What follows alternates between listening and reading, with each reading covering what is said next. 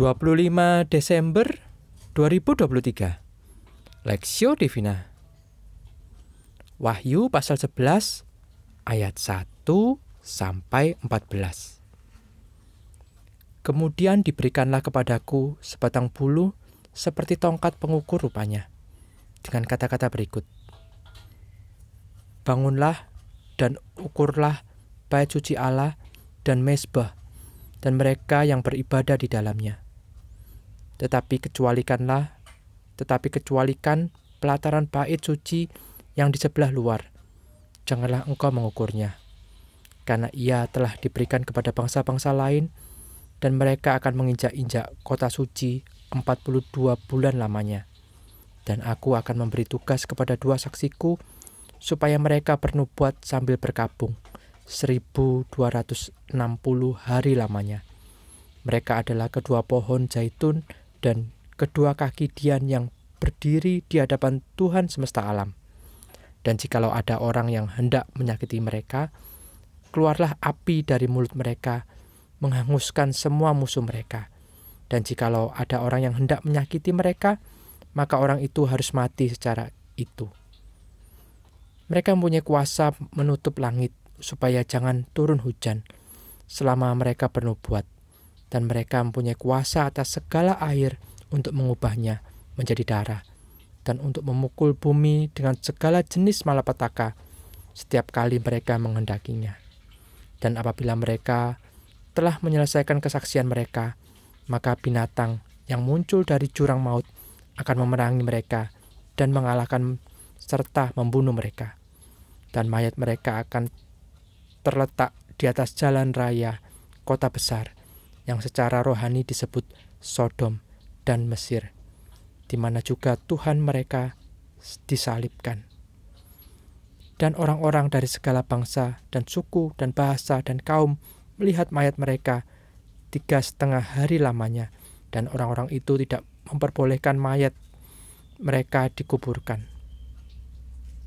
Dan mereka yang diam di atas bumi bergembira dan bersuka cita atas mereka itu dan berpesta dan saling mengirim hadiah. Karena kedua nabi itu telah merupakan siksaan bagi semua orang yang diam di atas bumi.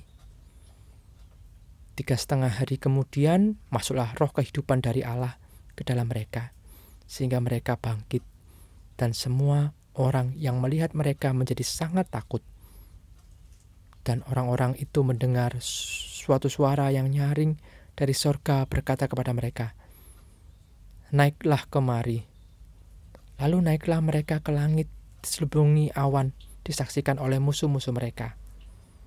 Pada saat itu terjadilah gempa bumi yang dahsyat, dan seper, sepersepuluh bagian dari kota itu roboh, dan tujuh ribu orang mati oleh gempa bumi itu, dan orang-orang lain sangat ketakutan, lalu memuliakan Allah yang di sorga.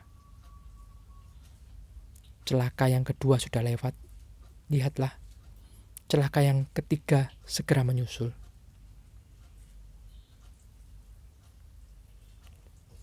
Dua saksi Allah perspektif.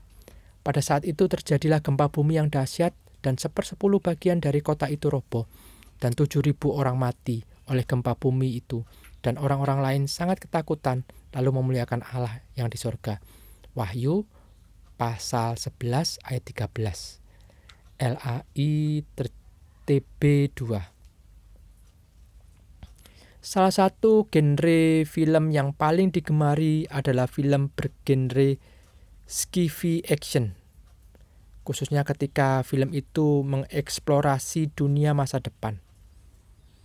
Ada yang ter, apa yang terjadi di dalamnya dan bagian bagaimana kebaikan menang melawan kejahatan. Para tokoh yang digambarkan memiliki konteks tertentu di masa depan, konflik dengan berbagai ideologi dan tokoh lainnya yang diwakilkan sebagai kejahatan, serta kemudian menang terhadap semuanya itu menghasilkan kedamaian yang ultimate. Dunia yang mereka tinggali adalah dunia yang sempurna, penuh kedamaian dan keberhasilan. Itu juga yang menjadi impian dan harapan orang Kristen mula-mula. Penganiayaan karena iman kepada Kristus membuat mereka memiliki keyakinan penuh akan dunia yang direstorasi secara sempurna oleh Kristus sendiri. Apalagi ia berjanji akan datang kedua kalinya sebagai hakim yang mengadili dunia, memberikan upah bagi mereka yang setia dan menghukum orang-orang yang melawan Kristus. Dalam ayat 1 sampai 2, Yohanes menggambarkan akan ada waktu di mana gereja mendapat perlindungan dan dinyatakan melalui simbol orang-orang yang berbeda dalam bait Allah. Bahkan ia mengutus dua saksi Allah yang ditafsirkan sebagai utusan khusus atau gerejanya untuk menyampaikan maksud Tuhan kepada orang-orang yang tidak percaya.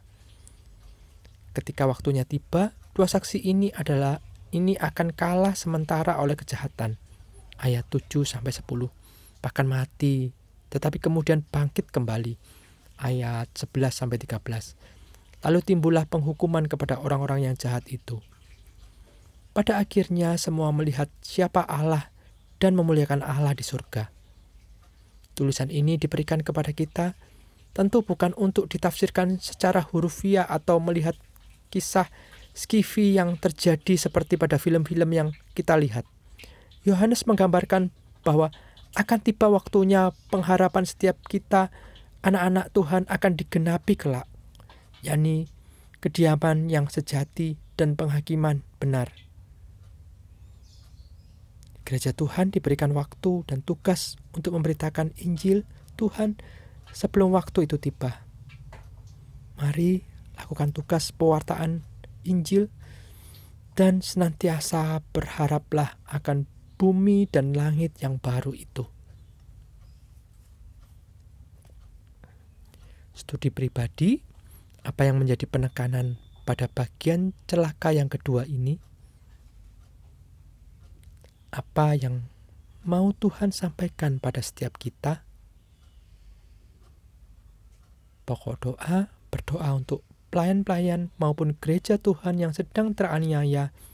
Kiranya Tuhan melepaskan dan melindungi mereka, serta menguatkan mereka melalui pengharapan yang akan mereka terima.